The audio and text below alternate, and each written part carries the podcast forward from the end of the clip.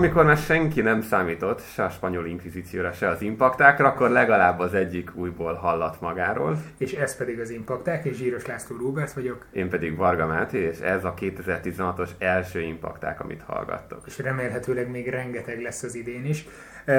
Egyébként jó lenne, ha itt lenne egy kamera, mert tök jó, hogy milyen helyszíneken vagyunk ez ilyen kulisszatitok. Régen Máténak a nappaliában vettük fel mindig a bevezető szövegeket, most pedig itt vagyunk a tanszékén, ami igen szép emlékeket idéz bennem, így a genetika vonalról.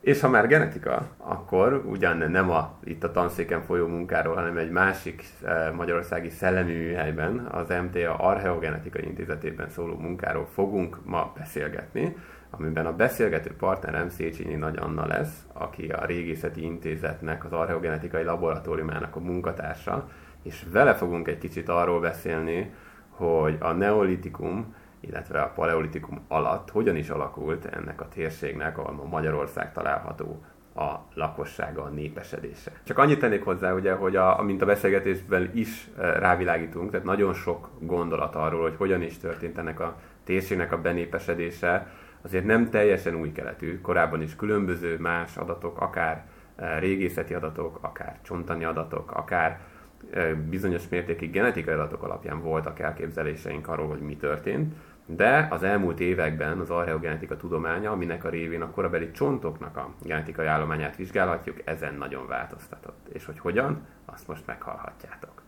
Halljuk. Az impakták mai adásának a vendége Széchenyi Nagy Anna, aki a Magyar Tudományos Akadémia Régészeti Intézetének archeogenetikai laborjának a munkatársa, és akivel arról fogunk beszélgetni, hogy a Kárpát-medencének a lakossága hogyan változott a paleolitikum alatt, pontosabban a paleolitikumtól egészen a bronzkor kezdetéig. Üdvözlünk az impaktákban, Anna! Üdvözlök! Jó, tehát amikor készültünk itt a beszélgetésre, akkor ugye egyeztettünk és, beszélgettünk, hogy, hogy az lenne a legjobb, hogy ugye egy korábbi podcastünkben, amikor Viola Bencével beszélgettünk, egy kicsit szó volt arról, hogy hogyan is alakultak az első hát, emberi beáramlások ide a Kárpát-medencébe, vagy konkrétabban Európába, és hogy hogyan kezdtek keveredni az anatómiailag modern emberek a neandervölgyekkel. Egy kicsit össze tudjuk foglalni ennek a beszélgetésnek a lényegét, tehát hogyha volt keveredés, azt mit gondolunk, hogy hol volt, illetve utána, hogy a anatomiailag modern ember hogyan élhetett el ide Európába. Hát genetikai adatok alapján tudok én erről nyilatkozni erről a kérdésről. Valószínűleg valahol a, a közel-keleten, esetleg az Arab-félszigeten kerülhetett sor erre a keveredésre, a genetikai adatok alapján, tehát a neandervölgyi genomok és a modern ember, a homo sapiens genomjai alapján azt arra a következtetésre jutottak, hogy körülbelül olyan 40-45 ezer évvel ezelőtt kerülhetett sor erre a keveredésre, amikor röviddel azután, hogy az első homo sapiens csoportok kivándoroltak Afrikából. Utána, utána merre ment tovább a modern ember? Utána egyből Európa fele fordult? Utána uh, szétvált, szétváltak a uh, homo sapiens csoportok. Uh, egy csoport Európa felé indult, valószínűleg a Balkánon át, másik csoport pedig uh, Dél-Ázsia felé vette az útját, és igen hamar benépesítette már Ausztráliát is, tehát egészen Ausztráliáig elért néhány ezer év alatt. Jó, és hát ugye talán a Bencével való interjúban is előjött, hogy még később is lehettek potenciális keveredések az Európában fennmaradó neonervölgyi csoportokkal, de ezeknek ma már nem Ezeknek nincsen ma már meg a, a genetikai nyoma, tehát ezek zsákutcák lehettek, evolúciós zsákutcák. Tudunk-e valamit, ugye mindig előjön akár a populáris irodalomban is, hogy hogyan, miért tűnhetett el a Neandervölgy, hogy vannak-e igazából tudományos bizonyítékok ezekre a mészállásokra, amiket időnként feltételeznek az emberek, hogy a modern ember egyszerűen kiírtotta.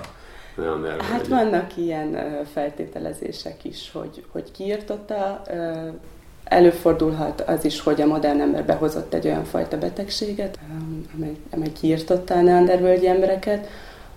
Másrésztről pedig feltételezzük, hogy a homo sapiens ember, tehát a modern ember körülbelül tízszer annyian annyian voltak, mint a neandervölgyek Európában, tehát egyszerűen túlsúlyba kerültek. Mhm. Ugyanakkor azért több ezer éven keresztül valószínűleg, legalábbis a, ha jól tudom, ugye a Spanyolországban Gibraltár környékén feltárt leletek alapján létezett mind a két emberfaj. Igen, tehát ott, ott még 24 ezer évvel ezelőtt is éltek neandervölgyiek, valószínűleg izoláltan, elszigetelten. Tehát az első, első találkozásokra valamikor 40 ezer évvel ezelőtt kerülhetett sor, és hát még jócskán túléltek a neandervölgyiek.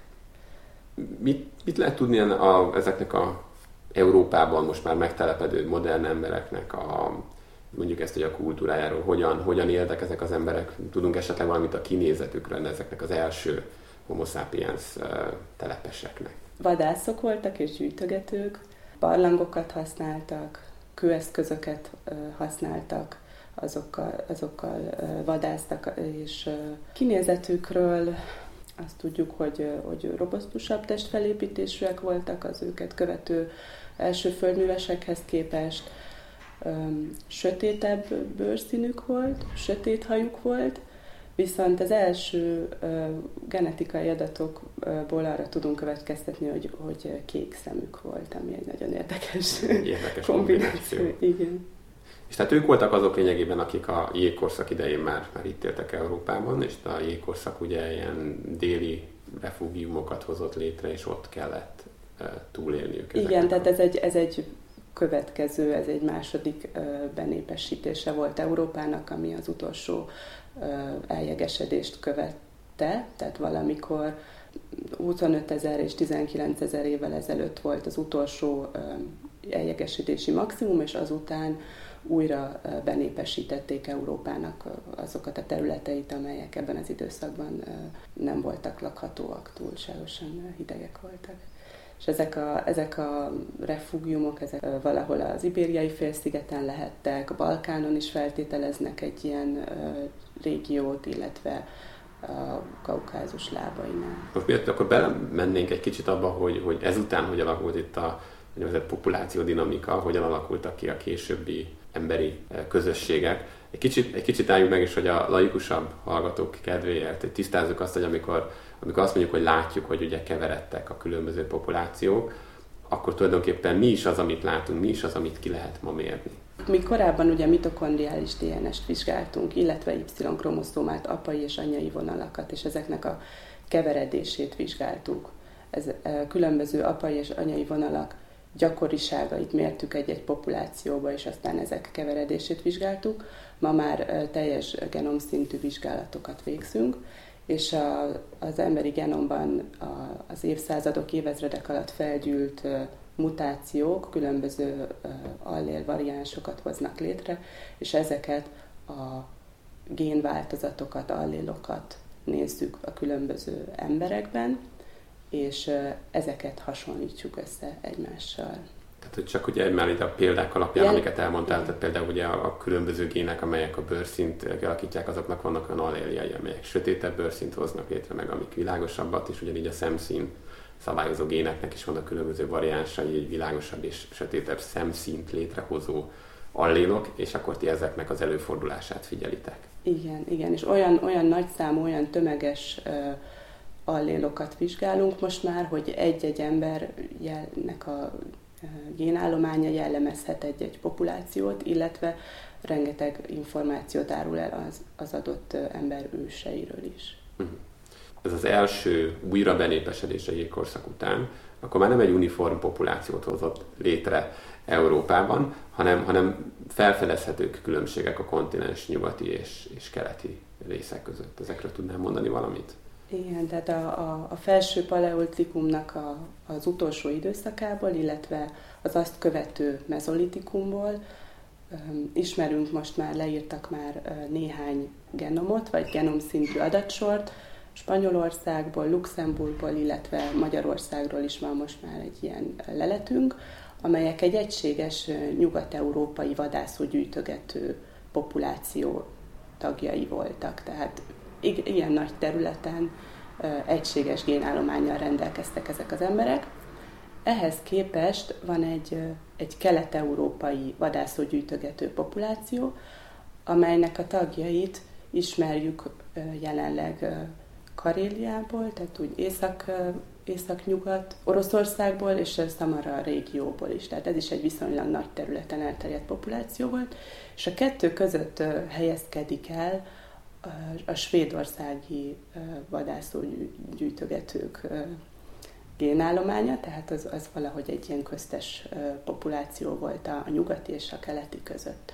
Míg a nyugati vadászógyűjtögető populáció levezethető egy, egy feltételezett, nem rendelkezünk még leletekkel, genomadatokkal, egy bazális nyugat-eurázsiai ős populációból, addig a kelet-európaiakat, tehát a keleti vadászógyűjtögetőket egy másik populációból vezetik le, vagy abból érte őket jelentős hatás, ami az ős eurázsiai alappopulációból keleten fejlődött tovább Szibéria területén. Hm. Itt mind a két populáció alapvetően nagyon hasonló életmódot folytatott, te is mondtad, hogy vadászógyűjtögető életmódot. Ugye az, egy igazán nagy változást, minőségi változást utána az jelent az emberi, hát mondjuk így kulturális evolúcióban, amikor megjelenik egy újfajta önfenntartás, ez pedig ugye a mezőgazdaság, ami ugye a közel-kelethez, Anatóliához szoktak kapcsolni. Őróluk mit tudunk, és utána ők hogyan kerülnek a képbe, hogyha mondjuk ugye a Kárpát-medence lakosságát kezdjük vizsgálni. Igen, tehát a földművesség és az állattenyésztés tudománya legkorábban közel-keleten, az úgynevezett termékeny félhold területén alakult ki. Mezopotámia, Levante területére gondolok, tehát a mai Szíria, Izrael, Jordánia, illetve Irak területére, illetve ehhez tartozik még Törökországnak a keleti régiója, ahol körülbelül időszámításunk előtt tízezer től vannak az első jelei annak, hogy elkezdenek növényeket termeszteni, állatokat háziasítani, és régészeti adatok alapján innen terjedt el ez az újfajta kultúra Európa felé. Na most a régészek sem értenek egészen egyet abban, hogy, hogy, hogy milyen utakon terjedt ez, tehát van egy, van egy alapgondolat, hogy egyrészt elterjedt a, a Mediterráneumban a partvidékek mentén egészen a mai Ibériai félsziget, vagy mai Spanyolországig, Ibériai félszigetig, a másik út pedig valahogy a, valahol a Balkánon át a Kárpát-medencé keresztül terjedt el. A Dunát a szokták mint egy potenciális ilyen útvonalat említeni, nem? Igen, hát a, igen. Viszont kérdés, hogy a, a termékeny félhold területéről mennyiben terjedt Anatólián keresztül, vagy ott is inkább a partvidékek mentén került mai Görögország területére először, és aztán onnan északabbra. Uh-huh. Sőt, ugye ez pont uh, mielőtt az interjú volt, egyeztettünk is erről, hogy a legújabb cikkek alapján azt mutatja, hogy nem csak az ibériai félszegeték, hanem akár Írországig is eljuthattak ez a korai földműves csoport. Igen, eljutottak oda is, csak az már egy későbbi időszak. Én jól értelmezem az adatokat, ugye akkor a a, amikor eljutnak a Kárpát-medencébe, ezeknek a e, földművesnek, mezőgazdálkodóknak a e, e, populáció, ők fogják létrehozni először ezt a vonaldíszes kultúrát, ez LBK néven igen, igen, itt, itt alakul ki a, a Kárpát-medencében, igen. És amit, ami engem, nekem nagyon meglepő volt, hogyha megnézzük az ilyen egészen korai uh, uh, leleteket, én ugye főleg figyelembe véve, hogy tehát nem, ha nem is sűrűn lakott, de nem teljesen lakatlan volt akkor már Európa, hogy, hogy az ilyen egészen ősi maradványok esetében szinte százszázalékosan csak a földműveseknek a genetikai állományát találjuk. És te utaltál rá, hogy ennek lehet az oka az, hogy, hogy ugye kicsit ahogy keressük ezeket a maradványokat, az, az egy picit félrevezető lehet, hogy kevésbé ismerjük a, mondjuk a vadászúgyűjtögetőknek az ebből a korból származó temetkezési szokásait. Igen, tehát hogy az alapkérdés volt évtizedeken át, hogy vajon a, a földművessége, illetve ennek a tudományát az emberek magukkal vitték, vagy átadták egymásnak, tehát hogy elképzelhető ez a verzió is, hogy a, az Európában helyben élő vadászók, gyűjtögetők átvették a tudományt a, a délebre élő vagy szomszédos földművelőktől, és nem kellett maguknak az embereknek vándorolni. És amíg modern genetikai adatokból próbálták rekonstruálni ezt, a, ezt az ős történeti jelenséget, addig leginkább arra következtetésre jutottak, hogy itt nem az emberek vándoroltak, hanem, hanem a tudást adták át egymásnak, és 2009-2010 óta egyre több archeogenetikai ősi leletből származó DNS adatunk van arra, hogy itt vándorlás történt. Ahogy, ahogy most már teljes genomokat szekvenálunk, a, az első földműveseknek a genetikai összetételét pontosabban meg tudjuk becsülni, még korábban ugye mitokondriális DNS-ből csak igen hozzávetőleges becsléseket tudtunk adni, és arra, arra jutottunk, hogy, hogy körülbelül 10%-ban alkották vadászló-gyűjtögetőgének az első földműveseknek a, a genetikai állományát, tehát a keveredés igen kismértékű volt. Több elmélet vagy több magyarázat van erre, elképzelhető, hogy tehát el, először is a, a vadászok, gyűjtögetők a mezolitikum végén nagyon kevesen voltak, tehát igen, igen kevés vadászógyűjtögetőre kell gondolni, de, de léteztek, túléltek, és itt voltak a Kárpát-medencében is, erre egyre több régészeti adatunk van. Azonban nagyon kevés, például nagyon kevés a Kárpát-medencében a sírlelet, tehát mezolitikus sírlelet egy-kettő van, egy-egy olyan ö, régiót leszámítva, mint például a Vaskapu térsége, ahol, ahol jelentősebb vadászógyűjtögető populációk túléltek, tovább éltek. Tehát ez is arra utal, hogy kevesen voltak, illetve másrésztről olyan temetkezési szokásaik voltak, amelyek, amelyeket mi már nem tudunk ma detektálni, megtalálni. Tehát, hogy elképzelhető, hogy a legtöbb halottat nem is temették el, hanem egyszerűen csak kitették. Tehát, hogy miért, miért van az, hogy, hogy ennyire kevés a vadászógyűjtögetők aránya a földművesekkel? Egyrészt, mert valószínűleg kevesen voltak, másrészt elképzelhető, hogy, a, hogy az első találkozásokkor még nem jött létre kapcsolat közöttük, nem kommunikáltak, ezek a vadászógyűjtögetők elszigetelten éltek. A földműves főleg a lösszel borított termékeny területeket vették birtokba az első időszakban, a vadászógyűjtögetők pedig valószínűleg visszahúzódtak a, a hegyvidéki területekre. Továbbra is azért vannak itt megoldatlan kérdések. Az egyik ilyen, hogy hogyan vált lehetségessé egy, egy ilyen mértékű migráció ezeknek az első földműveseknek, tehát ez a vonaldíszes kerámia kultúrája, amely, amely a Dunántúlon alakult ki, dél-kelet-európai földművesek leszármazottairól van szó. Ők elterjedtek egész Közép-Európában, és majd onnan még Nyugat-Európába, illetve Kelet-Európába is. Szükséges egy ilyen mértékű terjedéshez az, hogy egy, hogy egy demográfiai növekedést, egy hirtelen növekedést, amelyet egyelőre nehezen tudunk rekonstruálni, tehát nagyon kevés a, a régészeti adat, amely azt feltételezni, hogy egy ilyen mértékű népességnövekedés történt a Kárpát-medencében. És hát ugye amennyire látjuk, ugye a, a középneolitikumra másokkal jobban keveredik ez a két populáció, tehát akkor, hogyha én jól láttam az adatokat, már majdnem 20%-a az itt élőknek ilyen a nyugati vadászógyűjtögető populáció eh, genomjából származik. Igen, az az érdekes, hogy, hogy, hogy ez egy 1000-1500 éves késéssel következik be ez a keveredés, és ez a keveredés érzékelhető a Kárpát-medencében is, Közép-Európában is, és az ibériai félsziget neolitikumában is. Tehát mind a három területről el lehet mondani, tehát főleg Németországból vannak adataink, úgyhogy Közép-Európát is Németországot értettem. Mind a három területről el lehet mondani, hogy az első földművesek azok, azok egy forrásból erednek, tehát egy régióból, a közel-keletről, és, és nagyon hasonlóak genetikailag egymáshoz, és egy 1000-1500 éves késéssel kezdenek a helyi vadászógyűjtögetőkkel keveredni. Viszont a késői neolitikum az, amikor érdekes módon ez a két komponens mellett megjelenik egy harmadik komponens, és erről tulajdonképpen a, tavaly ti írtatok először a e, Nature cikketekben, vagy addig, addig is inkább csak feltételezések voltak arról, hogy hogy is történhet ez, ez a harmadik komponensnek a megjelenése.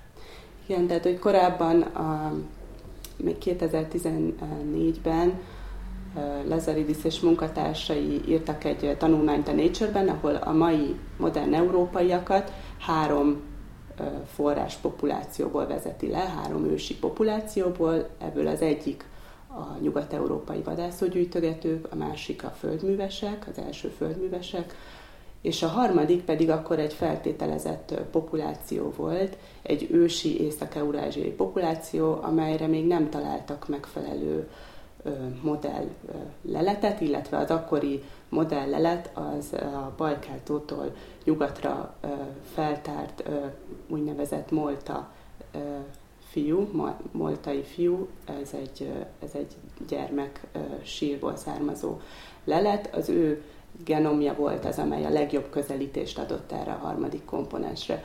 Azóta már ismerjük a kelet-európai vadászokat, gyűjtögetőket a Samara régiókból, akik, akik utódai voltak ennek a ősi észak-eurázsiai populációnak, és ők pedig átadták a génjeiket a, a késő neolitikum legvégén, a bronzkor elején megjelenő jamnaja kultúra populációjának, a jamnaja embereknek. Ők az, akiket a régebbi irodalom ilyen gödörsíros kurgán népekként Igen, de hát ők, ők kur, kurgánokba temetkeztek, igen, ismerték uh, már a kocsit, lovat háziasították, és ilyen pásztorkodó uh, fél nomád népesség volt. Na most az ő genom, uh, ő uh, génállományuk két fontos összetevőből áll. Az egyik ez az ősi észak-eurázsiai elem, amely a kelet-európai vadászó gyűjtögetőkön keresztül jutott el hozzájuk. A másik pedig egy kaukázusi elem, amit még mi tavaly a mai örményekkel modelleztünk, tehát a mai örményeknek a génállománya volt ehhez az elemhez a leghasonlóbb. Viszont néhány hónapja megjelent egy cikk, Jones és munkatársai közölték, ahol két kaukázusi genomot írnak le. Az egyik egy felső paleolitikumból származó embernek a genomja, a másik pedig egy mezolitikus lelet, mezolitikumból származó, és ez a két genom helyettesíti a, a, a modern örményeket ebben a, ebben a mozaikban, ebben a képben. Tehát azt lehet mondani, hogy a jamnaja, jamnaja embereknek a génállománya az egyrészt a, a, a kaukázusból táplálkozott, másrészt pedig a kelet-európai vadászógyűjtögetőkből alakultak ők ki.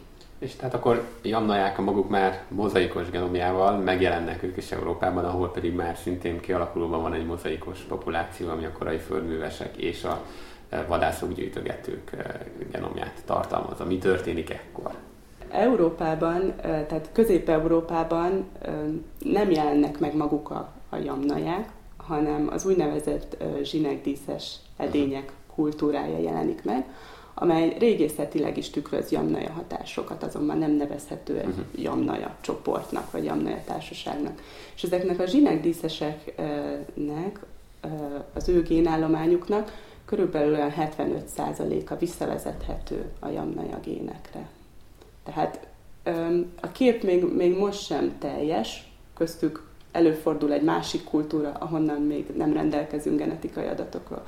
Tehát a, a génátadásnak a folyamata az még most sem teljesen tiszta, de az egészen bizonyos, hogy itt egy vándorlásról van szó, egy tömeges vándorlásról.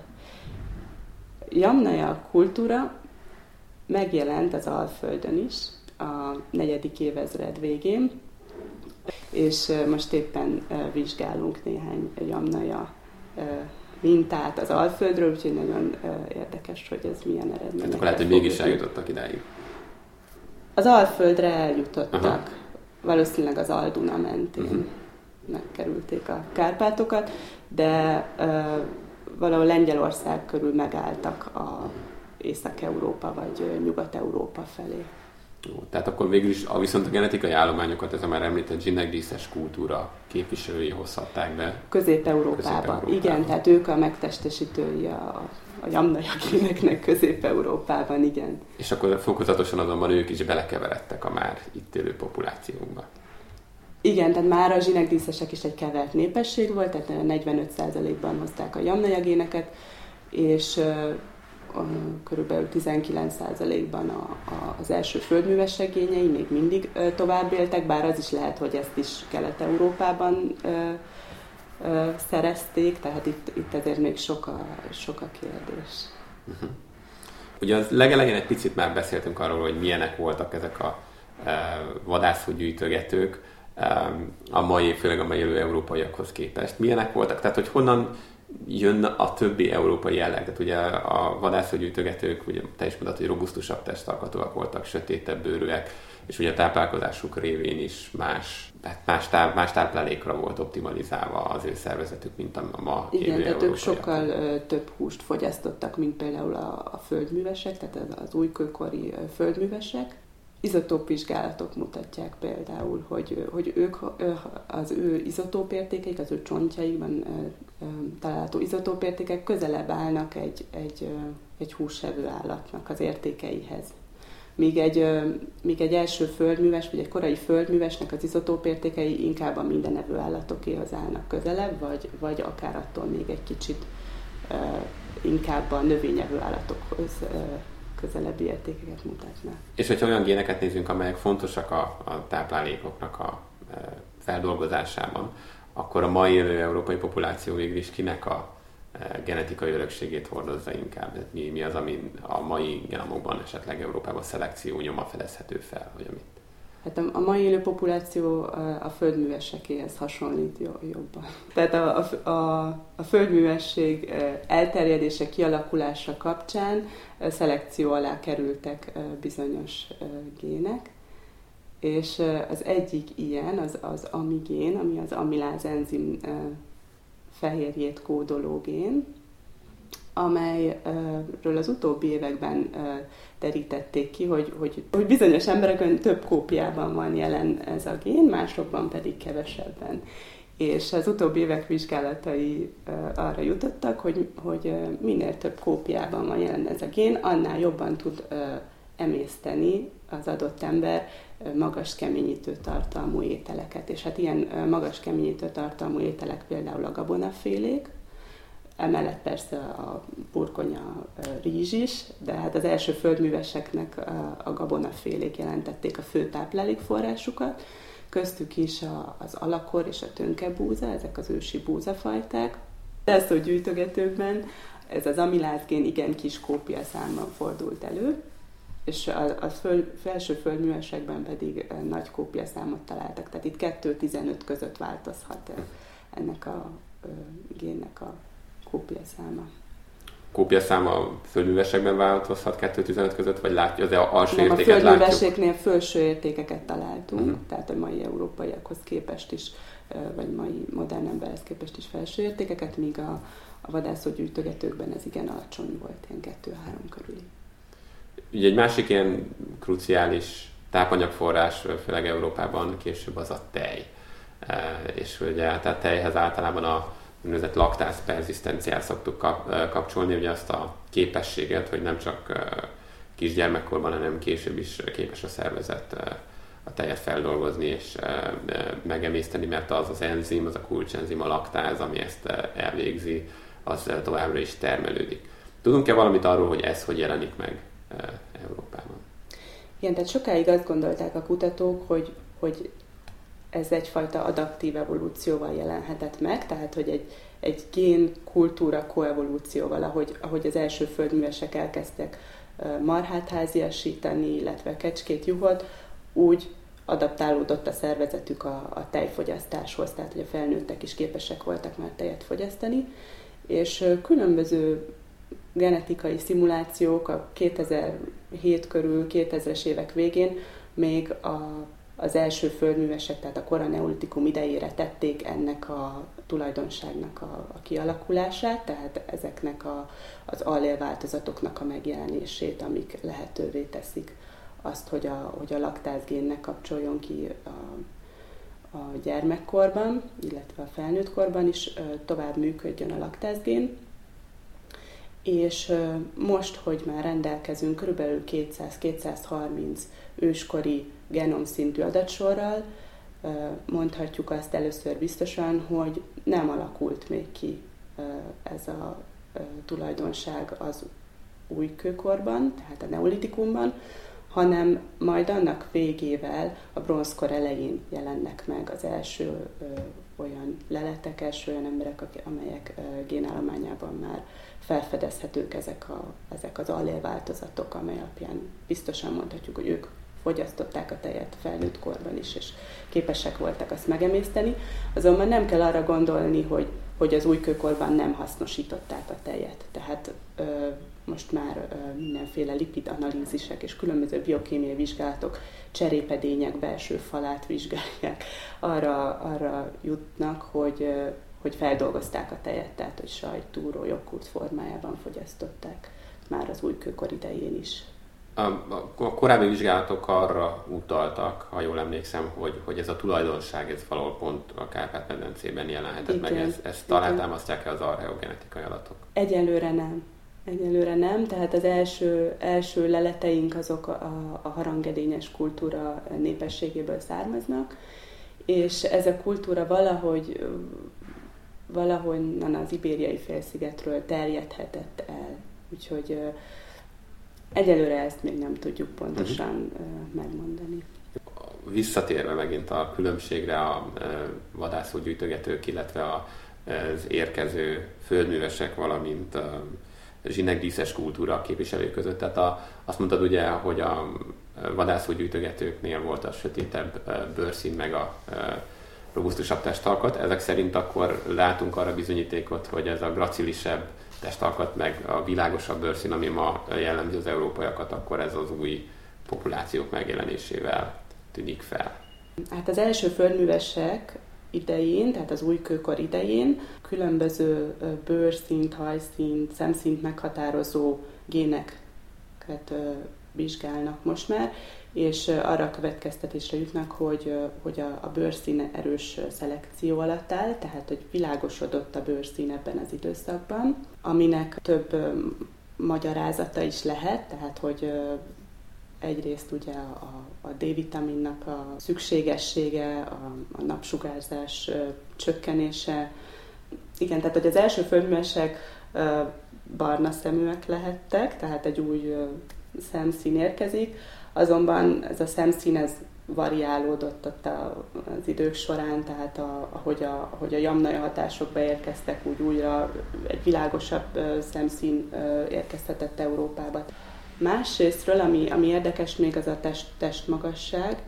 A földművesek, ugyan még Közép-Európában még nincs erre teljes adatsunk, de az ibériai félszigeten már detektáltak egyfajta szelekciót a testméretre vonatkozóan, egyre alacsonyabbak lettek az, az új kőkor idején az emberek az ibériai félszigeten. Ehhez képest azonban a steppén, Kelet-Európában egyre magasabbak lettek az emberek. Amikor a Jamnaja időszakban, tehát kb. 4500 évvel ezelőtt Közép-Európába vándoroltak ezek, a, ezek az emberek, ezek a populációk, akkor újra egy testméret növekedést tapasztalunk. Csak a fizikai tulajdonságok mellett ugye mindig egy érdekes kérdés a, a, a kultúrához kapcsolódóan, hogy a, a sok vándorlás, a nyelveket hogyan befolyásolta, és ugye korábban e, mindig ilyenkor elővették, hogy az indo-európai nyelvcsalád hogyan jelenhetett meg e, ezzel a, ezekkel a vándorlásokkal Európa területén, és ti is foglalkoztatok ezzel, ha jól emlékszem. Igen, tehát öm, több hipotézis létezik. Az egyik az, az anatóliai ö, eredetét támogatja az indoeurópai nyelveknek. Emellett fontos érv, hogy, a, hogy az indoeurópai nyelvek családfáján a, a legősibb típusok, tehát a bazális típusok, azok a mai anatóliai területén egykor beszélt nyelvek, például ilyen a hettita.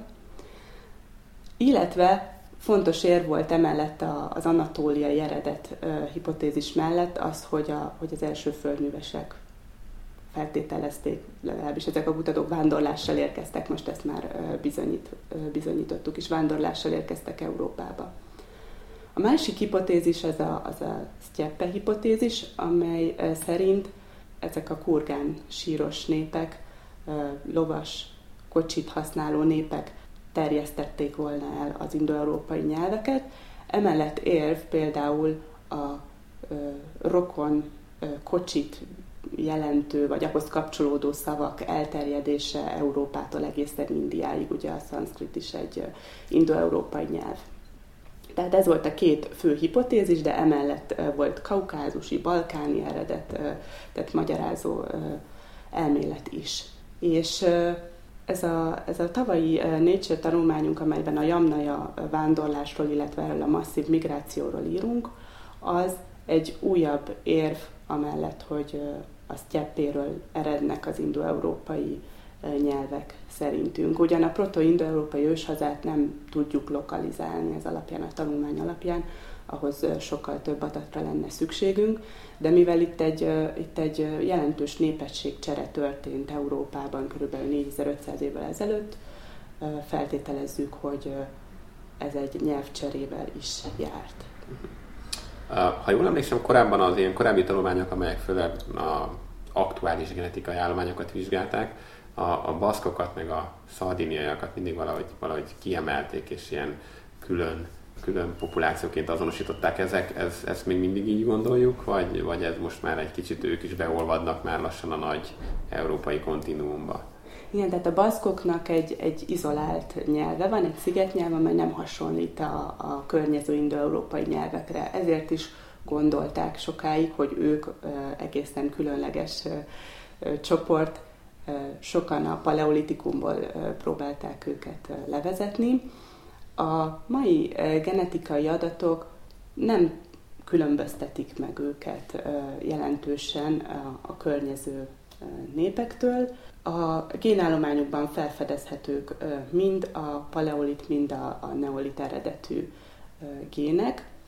Azonban jelenleg is vannak még viták körülöttük, tehát havonta fél évente kijön egy-egy cikk, amely egyik vagy másik elmélet mellett érvel. Most a legutóbbi cikk egy atapuerkai ilyen újkőkori genomot hasonlított össze a mai baszkokkal, és talált köztük hasonlóságot, tehát most inkább az új kőkori eredetet mondják. Szardinia viszont szintén kérdéses volt sokáig, hogy, hogy paleolit eredetű vagy a neolit eredetű a Szardinia lakossága. Az utóbbi években ezek a teljes ősi genomok kutatásai egybehangzóan azt mondják, hogy ők a, a neolitikum, az újkőkor népességének a, a leszármazottai. És mivel, mivel egy szigeten éltek, nem érte őket olyan sok hatás, mint más a kontinensen élő populációkat, így, így ma a mai európaiak közül a, a szardiniaiak hasonlítanak a leginkább a, az egykori földművesekre, az egykori újkőkor embereire.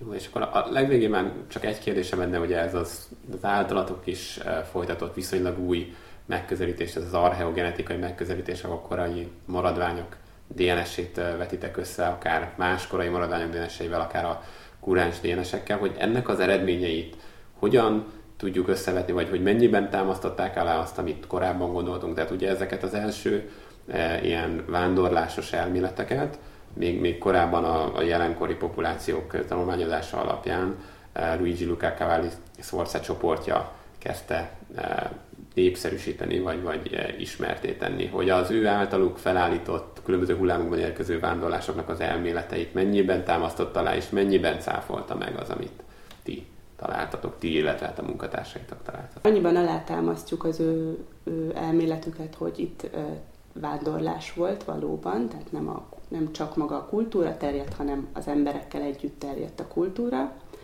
Az első föl, amikor az első földművesekről beszélek, tehát a, a kora neolitikum idején. Azonban a kép nem olyan, nem olyan egyszerű, ahogyan ezt ők ö, modellezték. Tehát az, hogy, ö, hogy évente egy kilométert terjednek a szélrózsa minden irányába, ezek az első földmesek, ez nyilvánvalóan nem így történt, tehát termékeny területről költöztek át a következőre, és inkább ugrásszerűen haladtak, mint hogy mindenféle elképzelés nélkül csak úgy terjedtek volna. És akkor ugye, hát ugye a legvégén, akkor most a, ameddig beszélgettünk, hogy a bronzkor hajnalánál fejezzük be ezt a beszélgetést, De egy kicsit kitekintve arra fel, amerre majd már később más beszélgetésekkel szeretnénk elmenni itt a podcastben, az ekkor, tehát ugye a bronzkor elején élő populációknak a genomja, és mondjuk a ma élő Kárpát-medencei populációknak a genomja, az mennyiben hasonlít, mennyiben különbözik? Mi azok, mik azok a hatások, amiket még itt később érték ezeket a, az itt élőket? Érdekes módon úgy általánosságban az európaiakról beszélve azt lehet mondani, hogy, hogy a bronzkor elejére már nagyjából kialakult az európai génállomány.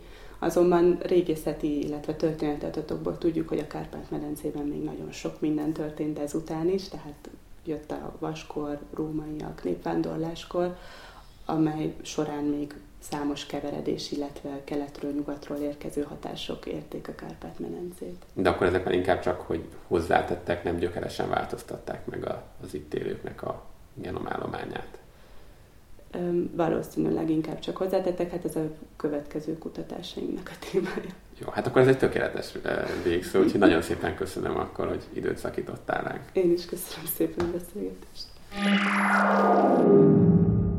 Hát nagyon érdekes volt a beszélgetés, egy csomó olyan adat derült ki számomra, amire nem is számítottam volna. Remélem, tehát amikor elkezdtem én is ebbe beleásni magamat, még mikor az interjúra készültem, illetve egyáltalán szóba került annak a gondolata, hogy kicsit folytatjuk azt a gondolati fonalat, mondjuk ilyen e, fenkölten, amit eh, Viola Bencével elkezdtünk már a e, neandervölgy, illetve modern, anatómiailag modern emberek e, keveredése kapcsán, azért ugye nem, nem minden evidens, ami ilyenkor uh, utólag előkerül ezekből a cikkekből, de hát látható, hogy folyamatosan, folyamatosan pontosodik az ismeretünk arról, hogy mi is történt annak idején, és nyilván, hogy a következő években, évtizedekben minél több ilyen korabeli leletet tudunk ezzel a módszerrel megvizsgálni, annál eh, exaktabb képünk lesz arról, hogy mi is történhetett. És Egyre teljesebb lesz ez a mozaik. Egyre teljesebb lesz ez a mozaik, mi pedig akkor, ugye, mint ahogy elhintettük itt az interjú végén már az Annával is, szeretnénk majd folytatni a kis történetet olyan szinten, hogy fokozatosan hát ha nem is napjainkig, de a bronzkortól eljutunk eh, legalábbis a középkorig, és eh, végigveszük, hogy milyen nagyobb eh, vándorlások, népvándorlások formálták errefele az itt lakóknak a genetikai állományát. Mi lesz a következő mozaik darabka? Hát a, mozaik, a következő mozaik darabka időben is e, e, nyilvánvaló, hogy a bronzkor kell legyen, hiszen ott hagyjuk a, Annával abba a beszélgetést, és hát reménykedünk, hogy ebben a következő egy-két hónapban erre sor tudunk keríteni. Kíváncsian várjuk. Így van. Köszönjük szépen, hogy meghallgattatok. Köszönjük a zenét Tövésházi Ambrusnak. Mint mindig, mi pedig búcsúzunk tőletek. Sziasztok! Sziasztok!